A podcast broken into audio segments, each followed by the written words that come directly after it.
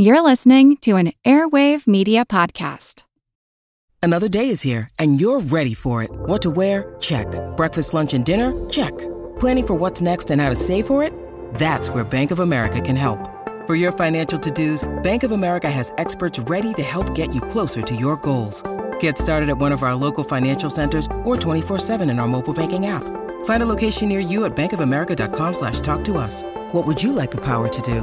Mobile banking requires downloading the app and is only available for select devices. Message and data rates may apply. Bank of America and a member FDIC.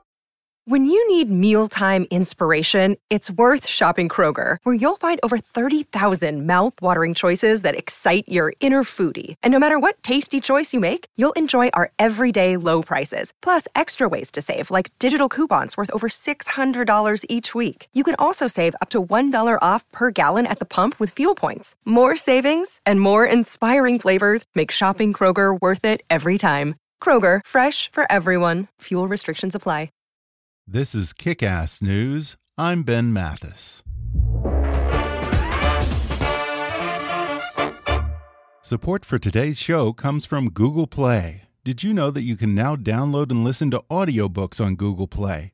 That's right, with hands free listening using Google Assistant or Chromecast, you can enjoy thousands of titles a la carte, no subscription necessary. There's even multi device integration across the Google ecosystem. And for a limited time, you get $10 off your first one by visiting g.co slash play slash kick. That's g.co slash play slash kick. Find your story with audiobooks on Google Play. And now, enjoy the show. Hi, I'm Ben Mathis. Welcome to Kick Ass News. August is upon us, and as temperatures rise, there's no better way to beat the heat than to spend a few days at the lake, preferably on a jet ski. And just in time for the dog days of summer, actor comedian Rob Riggle's Ski Master Academy is premiering on Sony Crackle starting August 23rd. Rob Riggle was a correspondent on The Daily Show and is well known for his hilarious performances, often playing the arrogant doofus in movies like The Hangover, Step Brothers, and Dumb and Dumber 2. Now he plays a cocky movie star who gets the bright idea to open his very own jet ski school in Rob Riggle's Ski Master Academy. And today, Rob joins me on the podcast to share how a casual joke spawned his latest project, what it's like to play a heightened version of himself, and why the Kawasaki company refused to let him use the jet ski name. Rob recalls his 23 years in the Marines, what it was like doing public affairs in a country where most people want to chop your head off, how he managed to juggle his military service and his comedy career, and his fateful decision to pass up pilot school to try his hand at stand up comedy. He talks about finding his real comfort zone as an improv comic at New York's Upright Citizens Brigade, his strange interview with Lorne Michaels when he joined the cast of Saturday Night Live, and why he thought he blew it during his big audition for The Daily Show. Plus, why strangers sometimes treat him like a jerk, KC's Best Barbecue, Celebrity Bad Investments, a Gomer Pyle reboot, and more coming up with Rob Riggle in just a moment.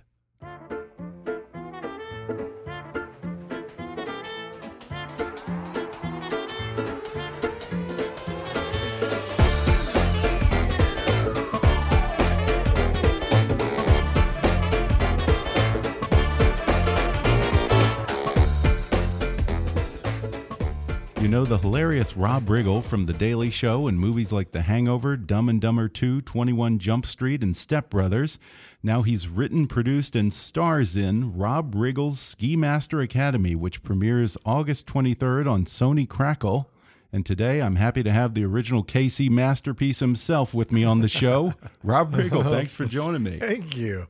I don't think I've ever been referred to as the KC masterpiece, but I'll take Yeah. it. Well, I have never actually been to Kansas City, but I know that you go back a lot and you have a big charity event there. Kansas City is a great town. It's my hometown, and I love it very much. And uh, yeah, if you haven't been, man, you got to get there. It's got good barbecue. You've heard. I was, yeah, that's what I was going to say. What are the places to go there? Oh, there's so many good ones. The, the the old traditional staples are obviously like Arthur Bryant's, which is the old old uh, uh, legend.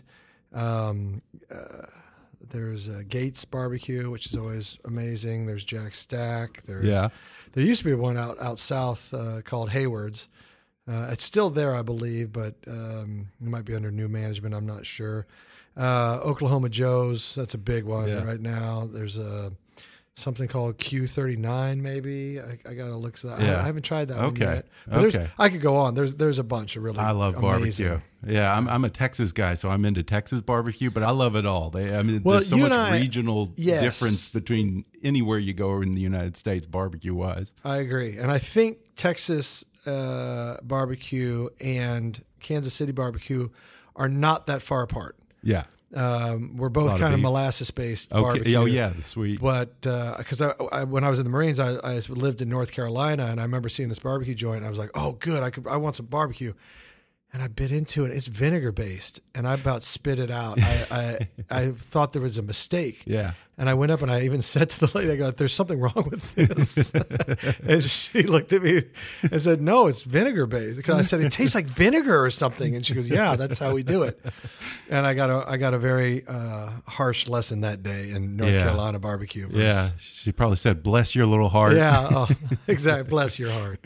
Well, speaking of the Marines, you know, I love your path into comedy because I don't know if all the people listening know your story. You started out in the Marines long before you decided to go into comedy, and you've served either in active duty or in the reserves pretty much most of your adult life, even long after you had success in TV and movies. Yeah, it was it was an unusual path. I mean, I was um, I I always knew I was going to try Yeah. acting and comedy because those were I was very passionate about it, and I, I believed somewhere inside of me that I I could maybe do it. I don't know why I thought that, but I just did. I identified with the movies I watched when I was a kid, a lot of the uh, uh, comedies of the '80s.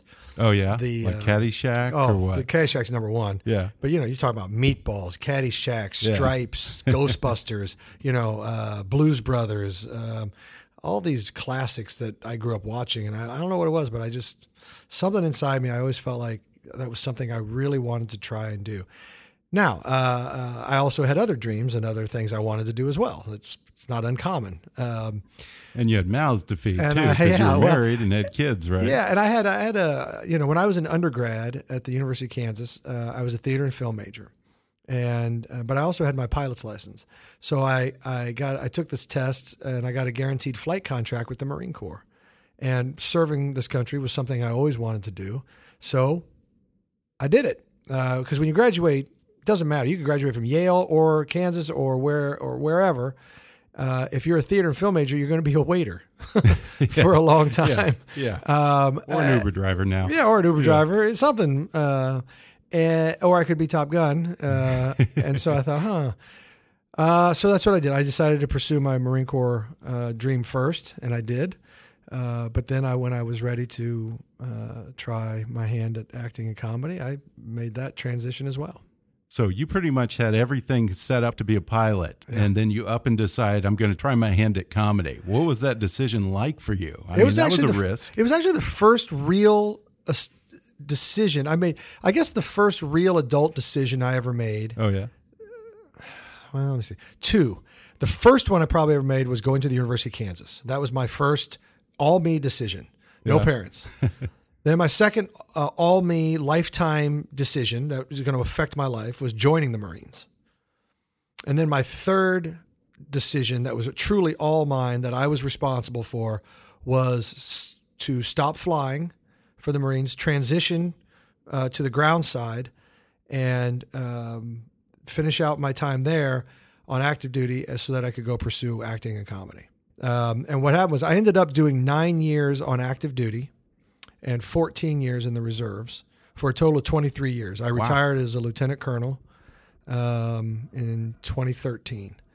Now, I got on my first gig that I ever got, my first big gig, what you call your big break, or the first real job I ever had in show business was on Saturday Night Live. Now, when I was on SNL, I would, you know, we'd have rehearsal uh, uh, at 30 Rock, and I would walk across uh, Midtown over to 46th and Lexington, where I would do my drills for my Oh, reserve, yeah. for my reserve kidding. unit. The same night, Okay. you know, same day. Um, and then when I was on the Daily Show, um, I would I was in New York, but I would get on a plane and I would fly back to L.A. and then drive down to San Diego, down to Miramar, Air, Marine Corps Air Station Miramar. Wow. And I would go to Command and Staff College on the weekends. Oof. And then I'd fly, and then I'd take a red eye back on Sunday night, land at JFK on Monday morning, take a cab straight from JFK to the Daily Show without going back to my apartment because I'd have to be back on the job. And I did that for two years, you know, to, to finish command of staff. So it was ex- it was an exhausting journey to get this. Oh, and by the way, I was deployed. I was, you know, I served in Liberia. Oh, yeah. I served in uh, Those little things. Albania, Kosovo, and then I went to Afghanistan twice. And um, yeah, so it's it's it's a it was it was hard to do, uh, but I'm very glad I did it, and I was very proud to serve. So Now, when you were in Afghanistan and Kosovo and Liberia, uh, were you there as a public affairs officer, or I were you? Uh, I, I did a lot of public affairs work, um, Okay. but you're never when the Marine Corps is very expeditionary. Yeah. And so we we we move quickly, and we usually have a light footprint. We don't, you know, the army's the big sustaining. We're coming in, we're setting up. We're Yeah. more. That's why we have camps and they have forts. We Right. have Camp Pendleton and they have Fort, Yeah, yeah. whatever, and because they're more the big long term, Yeah. and we are the kick in the door. Light on our feet, move in, do the job, win the battle, get back on our ships, and go elsewhere Yeah. because we're light and, and we multitask, you never just have one job. Yeah. Uh, my primary was public affairs, uh, but I was also I did a lot of civil affairs.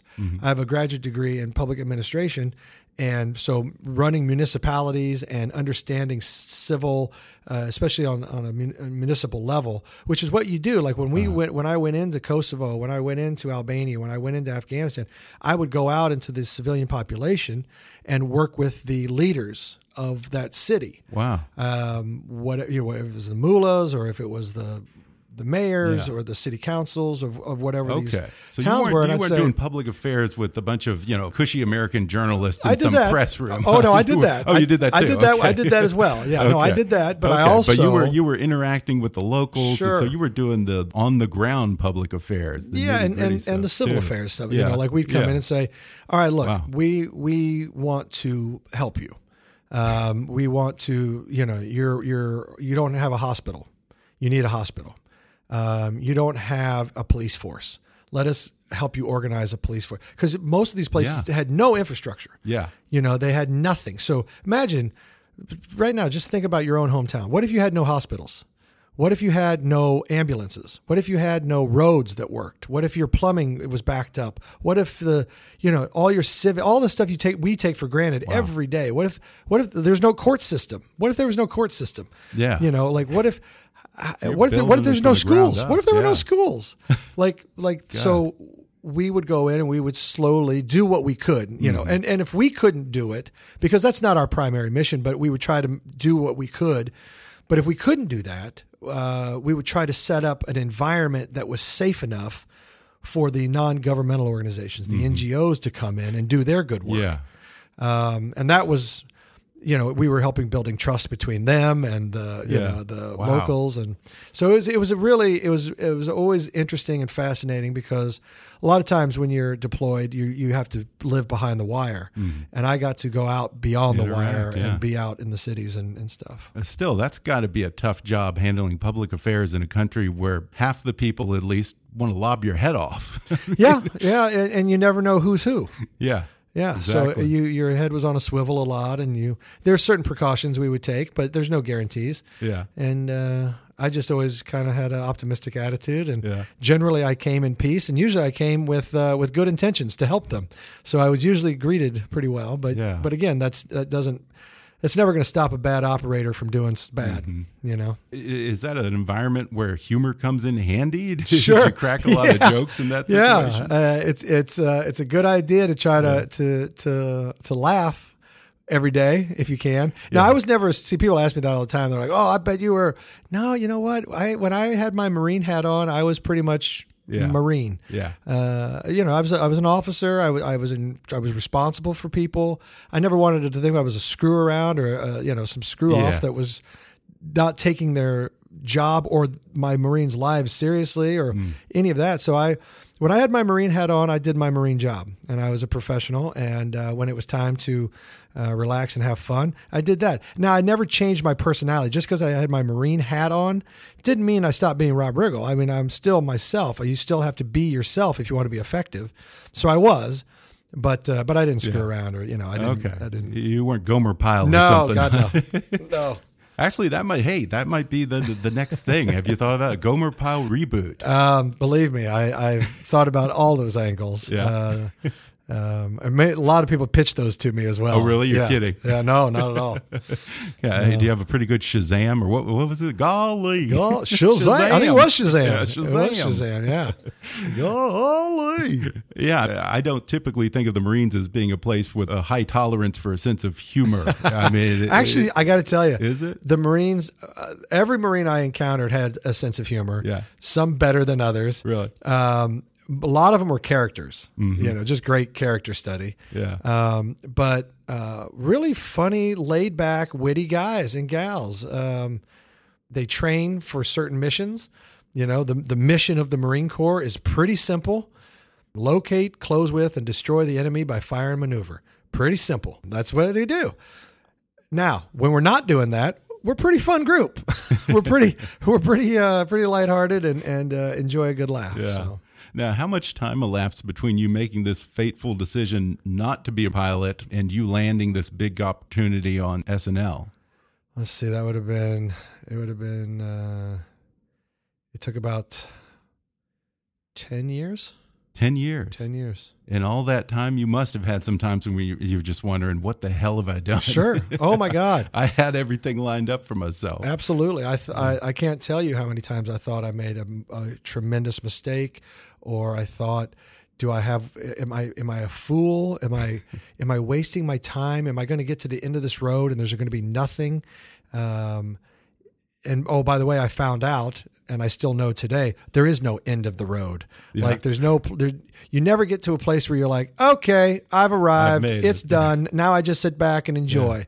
There's never um, that never exists. So because I meet young actors and comedians all the time, a lot of veterans that want to become actors and, and comedians, and and I, I never want to rain on their parade ever mm-hmm. because I, I know that passion and I know that drive and and I know those dreams. So I, I encourage them, but I I do try to help them on their journey by managing their expectations so that they don't quit yeah. because I think people get into it and they don't they have a, a false sense of what what's involved or what it's going to take, and then when it gets hard, they quit. Yeah. And and, And so if you can your manage your expectations, if you can say, all right, I'm about to go down this path, and it's going to take somewhere between five and ten years for me to even be seen by anybody before I even get an opportunity. And then, much less capitalize on that opportunity Yeah. and then capitalize within the opportunity, you know, make the most of the, if you got the gig, killing it in the gig so that you maybe possibly get another gig. You know, it's when I, I, I think the first gig I ever got was Saturday Night Live. So I was like, woohoo! Made you know. I'm, This you know, is this is great. Wrong. Yeah. Because when that was over, I had to go get another gig. And you realize really fast, oh, that's how it works. There's, you know, you all the best you can hope for is that you get a great job, a great gig, job, gig, whatever you want to call it, and that it's with really great people and that it lasts for a long time. And that's the best. That's the best you can hope for in this business. that's the best you can hope for in this business. You know, I love hearing about different SNL alums interviews with Lorne Michaels. You know, everyone always seems to have some different version of him, some different story. It's a little bit I always say like Charles Foster Kane. You're kind of piecing together who this man is. What was your Lorne story? Oh, he's he's a mystery. Um, I, I love Lorne. Uh, uh, um, I will always be indebted to him because he gave me. Uh, he made a dream of mine come true. You know, he, he he hired me on Saturday Night Live, so I will I'll always be grateful to him for that, and uh, and I do respect him uh, for his uh, for what he's created and what he's been able to maintain for forty plus years. Um, some of the conversations with him are, are interesting. I remember the, the first time, like after I auditioned and after I went through callbacks, he brought me in for a personal interview, which is a really good sign. It means you're getting closer. Yeah. You may have an opportunity. And because not many people get invited to go in. And I remember going in and sitting down and talking with him. And I was nervous. Of course, I was nervous. Um, uh, and so I was trying to sound intelligent and funny and you know i'm putting a lot of pressure on myself instead of just being myself Yeah. what got me there and um, He's very intimidating. he is, that and he doesn't mean to be. It's not like he. Yeah. It's not like he stares you down. It's not like he um, gives you. You know, he's not serving up ice. He's not icing you out or anything. Yeah. It's just he's very nonchalant, and he asks you these non sequitur questions that leave you going, "Huh? What?" I, I I remember a- specific. I guess I could give you from my conversation with him. We're sitting there talking, and apropos to nothing, he just looks at me and goes, "Is that?" and- and he talks like this. You have to go, "Mm, yes. Everybody does. By the way, Doctor Evil is Yeah, the, the voice. And, and by the way, if you ever on SNL, everybody who's on SNL, writers, cast, everybody does their Lorne. And he goes, "Is that is that your natural hair color, Rob?" Yeah, out of nowhere. And we were talking about something totally unrelated. And I go, uh, I'm sorry? You know, what? And he, "Mm, your hair, has it always been that color? And I'm like, yeah, yeah. Goes, "Mm, okay. And then moving on. And that's fine. No problem. It's just maybe a thought he had and wanted to ask me. But of course, the whole way, you know, this, I lived in New York, so I'm walking across town going, what the hell's wrong with my hair? Yeah. What the, these mind games, they're torture. What was What is this? Yeah. And, and I was like, why? Why would he ask me that? That's so bizarre. But whatever. That's uh, Yeah, and again, always it- has a riddle for him. exactly. And Yeah. the thing is, pro- he probably it was just he probably looked at it and thought, "Oh, that's interesting. I'm going to ask him." Had he could care less about it. Doesn't think about it. Never thought about it again. But it's one of those things when uh, when you're in, in his presence and you're you're desperate and you Yeah. for that first gig and you want that dream to come true and you probably read too much into everything. Yeah, everyone always tells me that he's so enigmatic and he speaks in these little riddles. I forget who it was who used to work for him and asked him if he had the authority to fire a writer who wasn't pulling his weight or something like that. And he said to him something along the lines of, well, if you're going to shoot, shoot to kill. and he had no idea. Was that a, a Yeah, yes is that or a yes no? or a What does that no? Am I authorized? Uh, yeah. I mean, the stories that alums tell, I mean, it does sort of make Saturday Night Live seem like some kind of Ayn Rand environment where you're just thrown in the deep end and it's sink or swim. Is, is SNL as cutthroat as people make it sound? Yes and no. Yeah. Yes and no. There, there are sure there are moments that are not joyful, and they're stressful, uh, and then there's great moments. You know, there's there's highs and lows. It, it's a roller coaster. I'll definitely give you that. Um, and yeah, And sometimes you, schedule too. Sometimes the schedule's yeah, Yeah. it's a it's a grinding schedule, and yeah, you are thrown in the deep end a little bit, um, and it's it's easy to get uh, lost and confused over there as far as you know uh, what's funny. All of a sudden, you know you you start writing sketches, and you're like you start writing them for the wrong reasons because you think it'll, this will make so and so happy or this will make so and so, and you stop forgetting. Hey, how did I get here in the first place? I got here by doing what I do best or being me. And I should try to find that and put it in here instead of trying to be something you're not or write for someone else or Yeah.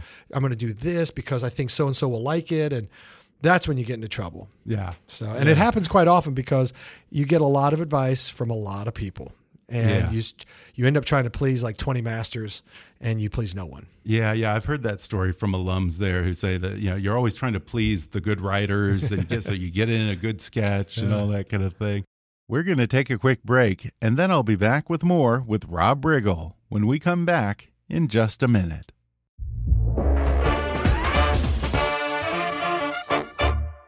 If you're on the fence about life insurance, get down with Ladder. Ladder is the smart, easy, and instant way to get and manage life insurance. Just go online and apply. It only takes a few minutes, and there's no paperwork or fees. Once approved, your coverage could start almost immediately. The insurance you need today may be quite different than the insurance you'll need five years from now, so Ladder makes it easy for you to change and cancel anytime without penalties or fees. And if you need a lab appointment, a traveling technician will come to your home, office, or wherever is convenient for you for free. If you have questions, simply reach out to one of Ladder's licensed insurance professionals at any point. Unlike other companies, Ladder's professionals are not commission based sales agents, so you can trust that they have your best interests at heart. Ladder provides the simplest, most straightforward, and affordable type of life insurance and is licensed and backed by trusted partners with billions in coverage. Go to ladderlife.com to learn more and apply right now with their online application. Once more, that's ladderlife.com. Get off the fence about getting life insurance with Ladder. Hey, folks, here's some advice for anyone who sends emails to their customers. You deserve a better email marketing platform, one that's actually designed with your type of organization in mind. And unlike other email providers, Emma puts its customers first, offering powerful email marketing with a personal touch. With Emma, you'll have everything you need to connect your data, build your audience, and do your most successful marketing ever. Because their easy to use platform makes advanced functionality accessible to everyone on your team, no technical skills required. You can even connect Emma with the services you count on to run your business, like Salesforce and Google Analytics. Not to mention, Emma's award winning team is always ready to support you on your email marketing strategy, design, list migration, and more. So put the power of email experts behind your marketing. Request a customized demo of Emma's email marketing platform today at myemma.com. Again, that's myemma.com. Do you want to learn how to go from good to great to unstoppable? Do you want to maximize your potential? Do you see the value of networking with other ambitious professionals? If you answered yes, invest in yourself. Buy a ticket now to Relentless MV a very unique event being held in Martha's Vineyard September 28th through 30th, featuring elite performers like David Goggins, Tim Grover, and the Iron Cowboy. Their speakers will share tips, tricks, and experiences to help you become unstoppable. The event is being held at Lambert's Cove Inn, a beautifully restored farmhouse from the 1700s nestled in the woods. This event promises a ton of fun and, more importantly, a great investment in your future. Both weekend and day passes are available. And as a listener of this podcast, you get a special deal. Use promo code KICK to receive $500 off. Visit relentlessmv.com for more information. Again, that's relentlessmv.com and promo code KICK for $500 off. Buy now, limited tickets are available. And I want to ask you about your improv training. How did you end up at UCB? Upright Citizens Brigade. Um, seven years from 97 to 2004. Okay. And I, um, yeah, I, I took classes that, that when I started, they only had three levels. Uh, it was taught by Amy Poehler, wow, uh, Matt Walsh, Matt Besser, and Ian Roberts. Uh, the Pretty four good. upright citizens, the original four upright citizens. Yeah. Uh, they had three levels. I took all three level. I took level one, two, and three twice, so that I could get all four teachers. Okay uh, because I wanted to learn from all of them. Oh yeah, and uh, and then I started uh, performing on a house team at the theater, um, and then we started writing sketch shows. Me, Paul Scheer, Rob Huebel, uh, Jack McBrayer, um, uh, Jason Mantzoukas, Uh, Charlie Sanders, Owen Burke, Seth Morris, just some great improvisers, wow. great comedians. Yeah. And uh, Chad Carter and Jackie uh, Clark and uh, Danielle Schneider, we we had a, a, group, and we would put on we'd write these sketch shows, and we put sketch shows up. And Huebel and I did a two man show that went to the Aspen Comedy Festival, and and um, yeah, you work with him a lot. Yeah, and uh, uh, and then we of course we had our improv shows, you know, every night uh, or you know uh, Saturday nights or whatever. So yeah, and then I would eventually. I started teaching there. I started doing. Uh, started teaching workshops on the weekends. Yeah, you went um, all in. I, I, was coaching other, you know, younger teams, um, and uh, yeah, I mean, yeah. I would when I first started there, I would do. I would do the sound. I would do lights and sound uh, in the booth. just so I could be around the theater, no kidding. so I could watch other people's shows, so I could meet the other people that I hadn't because I you kind of get with your group and you perform and write with them a lot. Yeah. But I, I knew there was a lot of other talented people out there. Le, uh, uh, Lennon Parham, um, uh, Jessica St. Clair from Playing House, mm-hmm. amazing talents. Um, and and so I wanted to see everybody. I wanted to meet yeah. everybody and work with everybody. So I would do whatever I could to be around the theater. Um, totally just so yourself. I could, yeah, because uh, you know that's, that's how you got to do it. Yeah, you got to do it. Didn't you originally start in stand up though before you went into? into Not improv? really. Yes and no. Technically, like? technically yes. Because what yeah. happened was when I made my decision to quit flying and, and go over to the ground side. Um, I did my time in North Carolina. I did about three years there, and then I was a captain, and I was getting out, and uh, I was going to leave active duty, but then the Marines said, "What would it take for you to stay?" I said, uh, "If you can get me to New York or Hollywood, I, I you know, because I wanted, I knew I would, my ultimate goal." and I did. I, they called my bluff. I got orders to New York City, so I went to New York City. Um, when I first got to New York, um, I, I walked around my neighborhood. I was living on the east side, and I walked around my neighborhood and I saw a stand up club, uh, the comic strip live on the Upper East Oh, yeah. Side, and um, like I think it's up on seventy, no eighty second, something like that, eighty second and Yeah. Second Avenue. Anyway, uh, and I walked up to it and I looked and they said uh, comedy classes, you know, and so I said deal. So I went in, I signed up, and because I didn't know anything about comedy, I just knew that's what I wanted to do. I didn't know how to start, so I just figured, okay, this is how you do it. And I grew up like in love with the storytellers, um, Eddie Murphy, Delirious, Eddie Murphy Raw. Yeah, yeah. You know, he was such a great stand-up to me because he was this storyteller, and the joke wasn't set up punch. It was I'm going to take you on this journey with characters and story, and Yeah. you know you'd hear the conversations, and you became immersed in this world. I loved it. Well, that's not what they taught there. what they taught there was three jokes per minute, set up Yeah. punch, set up punch, set up punch, and I didn't like that rhythm. I didn't like anything about it. But I took the class. I'm in it. I said I got to try this. So I, I came up with a five minute set that I wasn't necessarily proud of. But I wasn't I wasn't embarrassed about it either. But I was like, this it's average, is what I thought of it. But I finally had to do it. So I got up on stage and I did my five minute set with the th- three jokes per minute rule and all the stuff. And I kind of hated it because my I didn't realize how scared and nervous I would be. Yeah.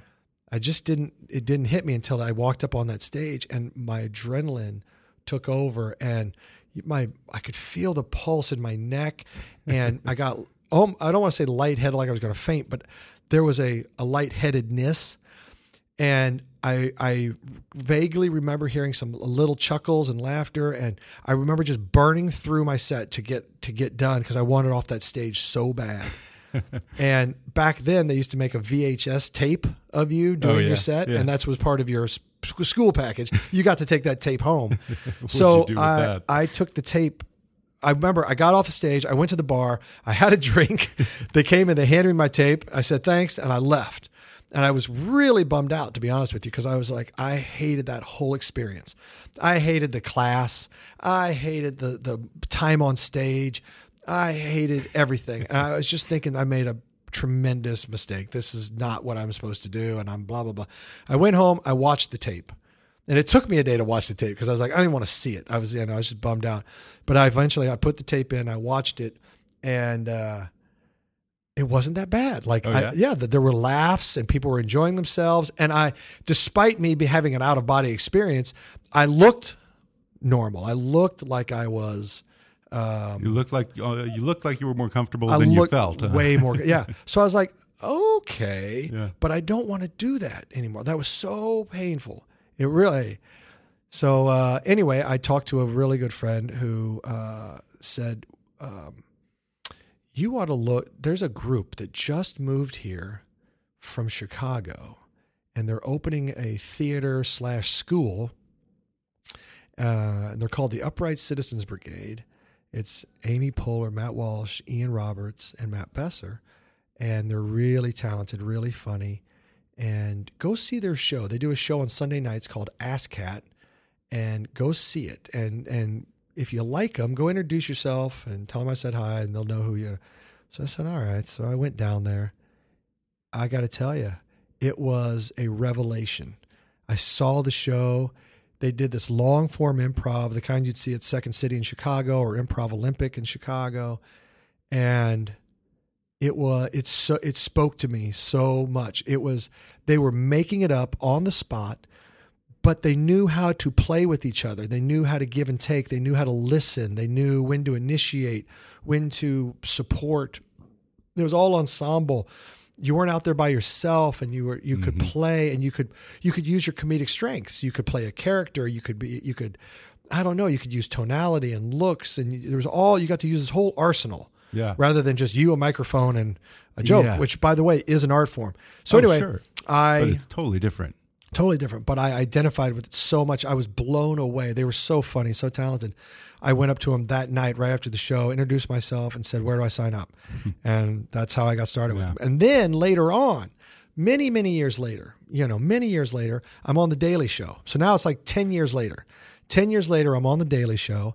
I share an office with John Oliver, and I used to drag John Oliver down to the UCB to do ASSSSCAT on Sunday nights.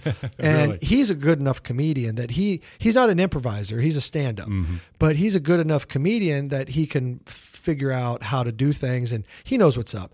And I never asked him to do the improv part. I asked him to just come down and do monologues for us. So we get a suggestion from the audience and then he would tell stories based on that suggestion and true stories or you know not made up but true stories and they don't have to be rah rah funny but they just have to be real enough that we can do scenes based on his stories and he loved it and he loved coming down and hanging out with all of us and it was it was a mutual benef- benefic- uh, benefit for both of us then he threw it back on me and said okay now you got to come with me and do stand up and I was like, "Oh, dude, don't make me do that. I tried it, done." and and and but I got to do it kind of. I had more confidence. I had more. I had a lot more stage time ten years later. I had been around the block a little bit, and um, and I felt way more confident going back and doing it my way, Yeah. as opposed to the three jokes per minute. I went back and I did it more of a storytelling. So I started slow, but he and I would get off work from the Daily Show. We'd jump in a cab, and in New York, it's the best because you could hit four or five mics a night. Yeah, that's true. Mm-hmm. Within within three hours, you could have hit five mics. We could go down the piano room, the slipper room, the UCB. You could go back up to the you know uh, to the Upper West or the Upper East and hit a couple more clubs, and it was fantastic because within one night you could polish out a new segment. You know, a five minute story that I would start with raw at, at the first comedy club. By the time I got done with the fifth one, it was pretty polished. I'd be like, oh, because I would try night new things. And in the cab ride, set. going from place to place, John and I would talk about it. We go, well, that didn't work. This worked. What if I said this? Try it. You know, and you just kind of Wow. work it out. And and so then anyway, I ended up building a stand, an hour long stand up set, and I ended Right, up doing a stand up special. special on Comedy Central. Um, In full circle. and so I, you know, I, I did do stand up, uh, and and I think, but I think she, I think that's a good thing. I think you Yeah. should, if you want to be a well-rounded comedian, you should do, you should be a comedic actor, you should be a stand-up, you should be an improviser, you should be a sketch, you, you know, you, you should have all the spokes in the wheel. Do you remember what you did for your audition for the Daily Show? Yeah, what they generally have you do is they have you do a uh, a story in front of a green screen. So, like you know, a correspondent uh, in the field. So it looks like I'm in Tiananmen Square, but I'm obviously I'm not. You know, because I'm doing it in front of a green screen. Um, and then they have you do a desk piece with Jon Stewart, um, where you sit at the desk with him and interact. You know, do a because there's two there's there's the actual field piece, but they didn't have time to do that. So you do the field piece uh, is not you don't get to do that, but you do a green screen stand up and then you do a desk piece. Those are the two things you do. And I remember I came out and was I'm not used to using teleprompters. I've, I've never used a teleprompter in my Oh, life. yeah, yeah, not an improv. Oh God, no, no. And now even on SNL, they use uh, they actually use old cue cards. Oh, right. Yeah, You know, yeah, you yeah. know, so it's not, it wasn't even a teleprompter. Yeah. So I, I just wasn't used to working with it. It kind of made me nervous the way it scrolled. It made me feel like I was I was falling behind or I'd missed something. So I was a little uncomfortable working with it. So it came out. I came out and I'm doing the stand up piece first, and they have it in the teleprompter. It's an old one, some you know from years gone by Yeah. and I start uh, I, I start reading it, and they're scrolling, and I'm just kind of screwing around, and I'm I'm actually pretty loose, but you know I'm making mistakes because I it, to me it was a warm up. You know we hadn't started yet because John had just you know while I'm doing Yeah. this warm up, what I consider a warm up, John walks out and sits at the desk. So I'm thinking like you know we haven't even started yet. So I'm kind of doing this, and I'm screwing up. I'm screwing up, but I'm So making light of it, and we're having fun and. And I get done with it, and uh, the floor director comes out and goes, Okay, are we ready? And I said, Now, yeah, okay, great, yeah. And I think we're about to start over again because now it's for real. I just had that little run through rehearsal. And John goes, Okay, great, that was fine. Uh, why don't you come over and sit at the desk? I was like, huh? No, no, no, no, no, no, no. That was not that was not my my, my read. But again, I was still a little green, so I didn't say because what I should have said was, "Oh, wait a second. I thought that was I should have just communicated with my mouth and brain." and said uh, that I thought we were. I didn't know that was. Yeah. Can we please do it over, or can I do it again? Because I, I, I thought uh, that was just a rehearsal. Yeah. Didn't say that. I went okay. And I walked over and I sat down next to John. Well, now we're doing the desk piece. He's ready to do the desk piece. And all I'm thinking about is what just happened. Instead of being So, yeah. present So in the moment. yourself out. Yeah. So now I'm supposed to be in the Uh. moment with John and, you know, eye to eye and, and doing this thing. And well, now I'm all I'm thinking is, oh, I'm so mad that I didn't get that the first part got dicked up only because there was a huge mistake and I wish I could go back and undo it. And I have a, this is all racing through my mind. Oh, by the God. way, now I'm doing this thing with John where I'm looking over his shoulder at the teleprompter and I'm trying to read my lines and make eye contact with him and go back. It was a hot mess and I was a mess inside, but I guess I got through it but I feel like I failed. So I go back into the to the green room because they had at this point they had they were replacing uh, Cordry and Helms on the Daily Show, and they were looking for two people, and they had just hired John Oliver, and they had one spot left, and they had three of us. I mean, somebody from New York and somebody from L.A. and me, and we're down to three for the last spot, and I felt like I screwed it up. So I went back in my dressing room, and I was actually we were my family. I had a daughter at the time and my wife, and uh, we didn't have any money. Um, and so I told my wife, I called her and I said, uh, "Well, listen, I uh, I'm sorry, but I think I screwed up the audition. I don't think it went that well, but don't worry.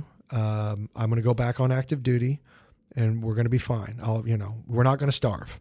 I promise. Wow, you that's know. heartbreaking. And uh, she was like, "Don't worry about it. You're fine. We'll figure it out." You know, she was very supportive. Um, and I said, "Okay." And then I went back and I just waited because they told me to wait in the green room. And then the other guys came out there and they did their auditions. And then the producers and John had a powwow and they came in and hired me and I was I was so happy. I was I was very happy. I think I screamed. bet. I think I screamed and uh and then I called my wife and I said, "Holy shit, we got it!" I mean, we I was at my ro- I was at my Yeah. Mm-hmm. wits end. We we had we were stressed out, and I would I I knew that I had to. I, my job, I always consider I have to provide. That's one of my responsibilities. So I was like, well, I'll just I'm going to have to go back on active duty. And we were in war. You know, it was Yeah. 2006. So, you know, they needed me, so it, it wouldn't have been a hard it wouldn't have been a hard sell. Flash forward to today, and you have Rob Riggle's Ski Master Academy coming out August 23rd on Sony Crackle. I laughed really hard Oh, during the first two episodes that I've watched so far. Good. Loved it. And I understand that the idea behind Ski Master Academy actually came from a joke that you used to make whenever people would ask you what you're working on these days. Huh? Yeah, yeah, yeah. you know, This town, especially, everybody's you know they ask, "What are you working on, Riggle? What are you doing these days?" and it's never nice. It's always Yeah, accusatory, yeah. you know. um, and I just got tired of giving my resume to everybody, so I just said, "I'm thinking about opening a jet ski academy," and I would say it very seriously, and then just walk off and let them think, you know, Yeah. Jesus Christ, is that what he's doing? Is that what he's doing? And uh, then I just started thinking about the world, and I thought, you know, that makes for a funny world. That would be a funny environment. So I started uh, building a show idea around it, and then I went to uh, my my comedy partners and pitched it to them, and they got on board, and we built a show around it. and the good folks at Sony Crackle, God bless them, they had the vision to to get on board with us. And it's not that crazy because you you have like Oprah has a school, LeBron has a school. Trump's got his university. So why not Rob Riggle? Rob Riggle's got his uh, Yeah. jet ski academy, his uh, his ski master academy. Yeah. Yeah, and of course it's all played for laughs, but I mean it is precisely the kind of boneheaded vanity investment that celebrities, at least the ones who don't have good business managers, tend to make. Everyone Yes. has a restaurant, or Yeah. what Jay Z bought a hotel, I think. Yeah, yeah. day I saw. Absolutely, it's uh, it is it is just that I I play myself in the in the thing, but I play a heightened, ri- Yeah. more ridiculous version of myself, uh, and with a lot more flaws. I hope, um, and uh, that that arrogance and that. Um, that wrong-headedness. Uh, I tried to capture as much of that as, that you get from sometimes in the, the Hollywood community. Yeah. Um, So, you know what's funny about you is you always seem to play kind of these arrogant jerks in Yeah. movies, and I wonder if you ever get people on the street, fans or whatever, or people who think they recognize you but don't know what they know you from, and just the psychologically the idea that you're an asshole Yes. embeds in their mind, and Oh, they treat yeah. you like a jerk at the coffee counter it's or whatever. so funny you say that because yes, yes, yes, yes, it's very true. Uh, comedy, it's what I find is comedy fans appreciate what I do Yeah. because they know it's comedy, Right. They and they know why it's why it's fun. the the people that don't have any sense of humor or no personality or no they don't understand comedy at all, they they look at you with a, you know a stink eye a little Yeah. bit like how could you you're kind of a jerk aren't you you're like you know that's a character i play right you know those are comedy choices i'm making it's not me it's Yeah. not my life it's not who i am it's a comedy choice It's a Uh, tribute to your acting ability. it's my it's my favorite game to play in comedy and i've mentioned this before but uh, arrogant ignorance it's my favorite comedic game which is the guy who's large and in charge and totally stupid and totally wrong-headed because those guys I've always enjoyed watching them on screen and Yeah. just I die laughing. I mean, everybody remembers the principal from Breakfast Club, Mhm. Yeah, yeah. right? Does anybody not remember him? He's he was so much joy because he was such a douche. He was so ridiculous, um, and yet he played it with such sincerity Yeah. and such you know arrogance. He played it so real. Now, if I met that man in real life, I wouldn't presume that that's who he is. I would hope that's not who he is. but Now, is it true that the guys from Kawasaki wouldn't let you use the jet ski name for your Yes, show? I was so bummed out. The original title uh, was Robert Riggle's Jet Ski Academy because that's what I would tell people I'm doing. I'm opening a jet ski academy, and I got a big laugh from people. And I love the name. The name just makes Yeah. you go, "Oh my god, I got to see this!" Right? And so we we you know being the responsible people we are, we went to because Kawasaki owns the name Jet Ski. So we went to them and said, "Hey, I'm going to make this comedy show, and it's we want to call it Robert Riggle's Jet Ski Academy." And they said no. And there's not much we could do to make them change their mind. So Really? You just Rob Riggle's not good for the brand, or they didn't think you'd follow no, proper I, safety know what? I be? procedure? Can I be? I'll be totally honest with you. I? I th- uh, I'll be totally honest with you. I think if I were to have a discussion with Yeah. their marketing people or the president of the company, I think it would have been a no brainer. yeah. What I think happened is you get lawyers talking to lawyers. Uh huh. Yeah. and that then always it, kills things. Mm-hmm. it all of a sudden becomes a pissing match when there was no pissing match Yeah. or it becomes this thing where we got to protect ourselves because you're out to and it's no Yeah, it's just that's a totally got to be. so i was like okay Yeah. i'm not going to fight this fight and so actually it really actually kind of helped us because we went back to the table creatively and we came up with this whole really fun dynamic hilarious backstory where um, my character Rob Riggle, it's funny to say my character Rob Riggle, um, is the star of a franchise of movies called Ski Master movies or Ski Master, like the Fast and the Furious. Yeah. So basically, what Vin Diesel is to the Fast and Furious, Rob Riggle is to the Ski Master franchise, uh, and they're basically all, you know, jet ski movies, you Yeah. know, and um, so, but that gave us a great backstory to help set up Yeah. the the academy and a lot of the story behind it. So it actually served us really well. hmm Yeah. Now, before we go, I noticed that you're the only person, at least in the episodes that I've seen, who actually gets to ride on a jet ski. Was that just because you're a dick, or because you, you didn't want to have to insure the other actors? No, you got you got to see the rest of the episodes. Okay, you got to see okay, the rest of the enough. episodes. There's got to be some suspense, and trust me, everybody gets their due. Okay, good. Well, all eight episodes of Rob Riggle's Ski Master Academy are available for free, I want to point out. Thank you. On Sony Crackle starting August 23rd. Rob Riggle, thanks so much for talking Thanks for me. having me, man. Thanks again to the hilarious Rob Riggle for joining me on the podcast. One more time, all eight episodes of Rob Riggle's Ski Master Academy are available for free, yes, free, on Sony Crackle beginning August 23rd. For more information, visit sonycrackle.com. And for more fun stuff, visit robriggle.com, follow him on Twitter at, at robriggle, and subscribe to his podcast, Riggle's Picks, on Apple Podcasts or wherever you like to listen. You deserve a better email marketing platform. And unlike other email providers, Emma puts its customers first. It's powerful email marketing with a personal touch.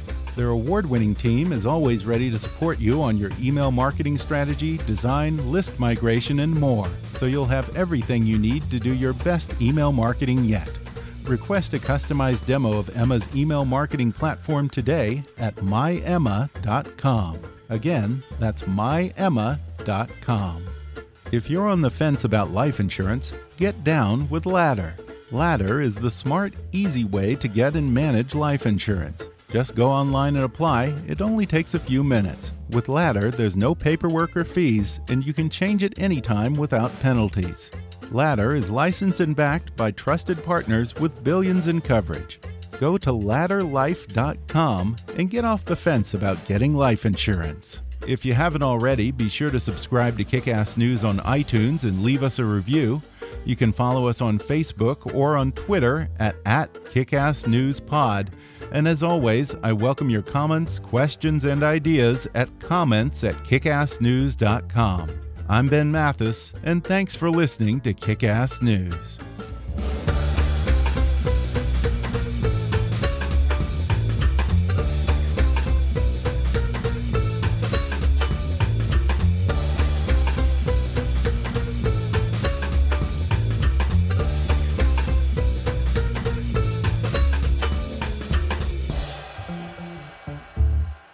Kickass News is a trademark of Mathis Entertainment, Inc.